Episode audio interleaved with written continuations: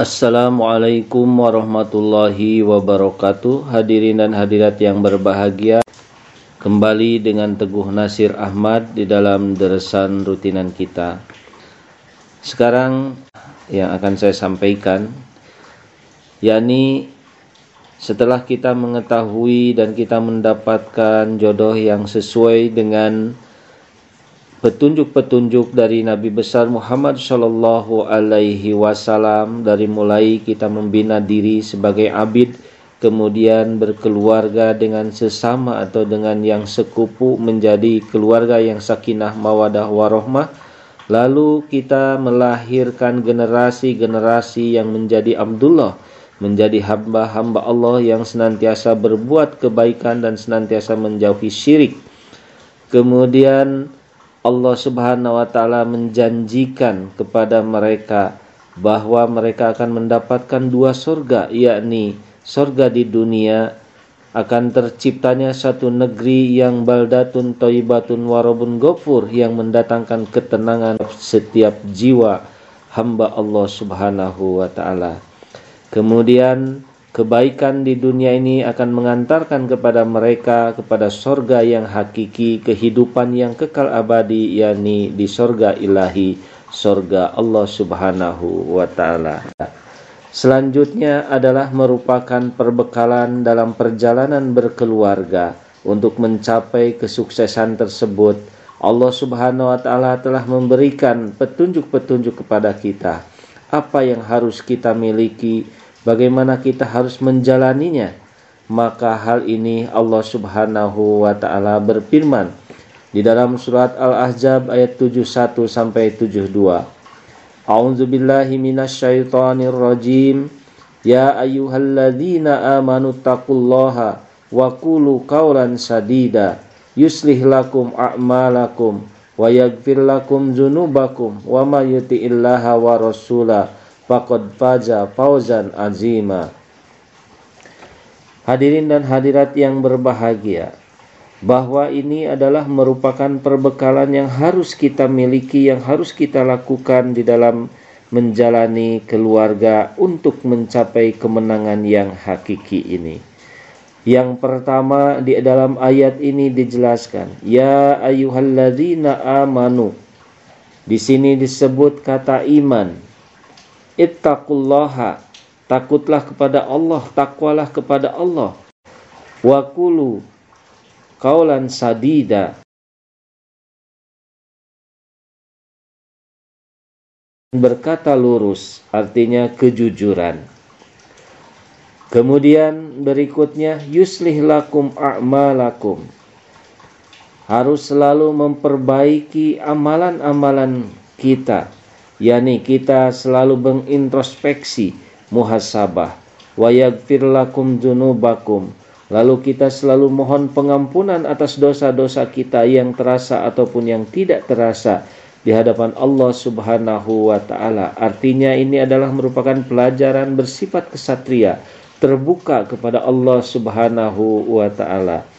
Wa may yuti'illaha wa rasulah faqad faza fawzan azima. Yuti'illaha jadi ini adalah taat yang sudah merupakan prinsip di dalam Islam untuk mencapai setiap kemenangan, maka setiap umat Islam harus menjadi orang yang taat. Nah, hadirin yang berbahagia, enam hal yang harus kita miliki, yang harus kita jalani. Iman yang kamil atau iman yang hakiki yaitu yang akan membawa kita kepada kesuksesan dunia akhirat. Karena dengan keimanan orang akan sangat memperhatikan setiap langkahnya. Dia tidak akan gegabah, dia tidak akan sembrono, dia tidak akan arogan di dalam berperilaku setiap harinya. Tentunya ini diterapkan di dalam satu keluarga. Ini akan mendatangkan kenyamanan di dalam satu keluarga, akan mendatangkan ketenangan. Kemudian yang kedua, ketakwaan yang hakiki. Ketakwaan yang hakiki ini sangat diperlukan sekali oleh kita. Karena ketakwaan ini adalah bagaikan akar. Artinya setiap sesuatu itu akan menjadi ada akan menjadi tumbuh subur di dalam satu keluarga itu apabila akar ini ada bagaikan sebuah pohon jika pohon itu ingin hidup ingin berdaun hijau ingin berbunga ingin berbuah dan terus hidup maka tentunya jangan sampai terganggu akar dari pohon itu tersebut dan tentunya akar pohon ini harus selalu mendapatkan siraman-siraman maka dengan demikian semuanya akan menjadi ada. Sebagaimana disabdakan oleh Hadrat Imam Mahdi alaihissalam, har ik niki kijar ye agar ye jarahu sabkut serahahe bahwa akar segala kebaikan ini adalah takwa. Maka jika akar ini ada, maka semuanya akan ada. Artinya kebaikan akan selalu terpelihara. Hadirin dan hadirat yang berbahagia, terpeliharanya suatu keluarga ketika kita di dalamnya menanamkan satu ketakwaan. Takwa bisa saja berarti takut. Ini selalu dinasihatkan oleh Rasulullah di dalam setiap pernikahan. Tidak kurang dari tiga kali bahkan lebih dipanggil kita ini sebagai hamba yang harus takut kepada Allah. Takut kepada Allah, takut kepada Allah, takut kepada Allah. Padahal hari itu adalah hari kebahagiaan. Jadi Allah sangat memperhatikan keadaan jiwa setiap orang, terutama yang sedang mengadakan pernikahannya akan mengarungi sebuah keluarga. Tentu di situ akan berbagai macam perasaan di dalam dirinya. Maka perasaan takut terutama yang muncul pada setiap pengantin atau setiap mempelai, setiap orang yang mau mengadakan perjalanan pernikahan. Semuanya di, dilanda dengan rasa ketakutan pada saat itu. Takut kehilangan anaknya, takut menantunya tidak baik, takut tidak bisa melayani, takut tidak bisa itu, tidak bisa ini, dan lain sebagainya. Nah, maka ketika rasa takut itu semuanya berkiblat kepada Allah Subhanahu wa taala, artinya diserahkan kepada Allah Subhanahu wa taala, hanya takut kepada Allah Suami hanya merasa takut kepada Allah. Istri juga hanya merasa takut kepada Allah. Maka tentu segala kebaikan yang diharapkan ada di dalam satu keluarga itu akan terpelihara. Suaminya bagaimanapun lemahnya, bagaimanapun hebatnya, dia tidak akan berbuat serong, dia tidak akan berbuat selingkuh, dia tidak akan berbuat yang tidak-tidak. Karena dia takut terhadap Allah Subhanahu wa taala, Allah selalu menyaksikan dirinya. Begitu juga seorang istri, jika dia merasa takut kepada Allah Subhanahu wa taala, maka dia pun akan selalu menjaga keutuhan di dalam keluarganya. Sehingga dengan demikian semuanya menjaga rasa takutnya dan kita kembali kepada Allah Subhanahu wa taala rasa takut itu maka akan terciptalah suatu keluarga yang dijanjikan sebagaimana sudah saya jelaskan sakinah mawadah warohmah hadirin yang berbahagia jika satu keluarga dibangun dengan satu ketakwaan maka ketakwaan itu akan menimbulkan suatu cahaya cahaya yang baik. Nah ketika cahaya meliputi keluarga itu maka keburukan-keburukan yang dari luar pun tidak akan bisa masuk.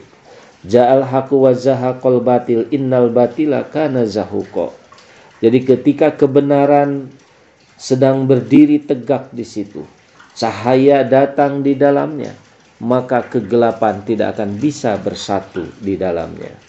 Hadirin yang berbahagia, yang ketiganya kulu kaulan sadida, kejujuran. Kejujuran ini sangat penting sekali dan ini menjadi pondasi dasar untuk munculnya atau untuk datangnya segala kebaikan. Inna sidqa yahdi ilal biri wa innal biro yahdi ilal jannah itu sabda Rasulullah Shallallahu alaihi wasallam. Sesungguhnya sidik itu akan membawa kepada kebaikan dan kebaikan akan membawa kepada sorga. Artinya kejujuran ini adalah menjadi sumber ke segala kebaikan. Jika ini juga ditanamkan di dalam satu keluarga, maka akan tumbuhlah kebaikan-kebaikan di dalamnya. Tetapi sebaliknya, jika suatu keluarga sudah dimulai dengan kedustaan, maka akan melahirkan kedustaan-kedustaan yang lainnya. Nauzubillah min dzalik. Mudah-mudahan kita terhindar dari hal itu semua. Kemudian yang keempat, islah, perbaikan amal, perbaikan-perbaikan amal. Ini adalah sangat penting, sangat penting.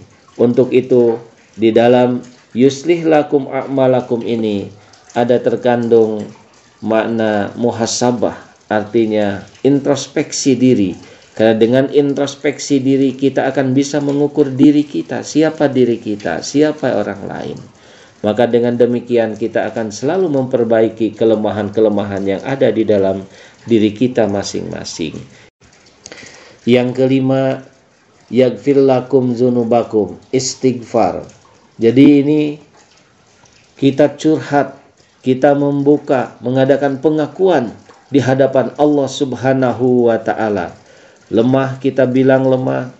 Ya salah kita bilang salah benar kita bilang benar di hadapan Allah Subhanahu wa taala. Lalu kita memohon pengampunan di hadapannya.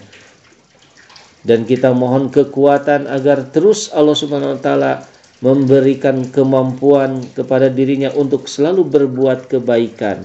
Dan Allah taala terus selalu melindunginya. Hal ini juga jika diterapkan yakni bersifat kesatria antara istri dan suami saling keterbukaan akan tumbuhlah saling pengertian di dalamnya. Ini perlu karena ini akan memelihara keutuhan dalam satu keluarga. Hadirin dan hadirat yang berbahagia yang keenam adalah wa may wa rasulah. Ini adalah ajaran ketaatan Ketaatan diajarkan di dalam Islam dan merupakan satu prinsip yang sangat mendasar untuk mencapai setiap kemenangan.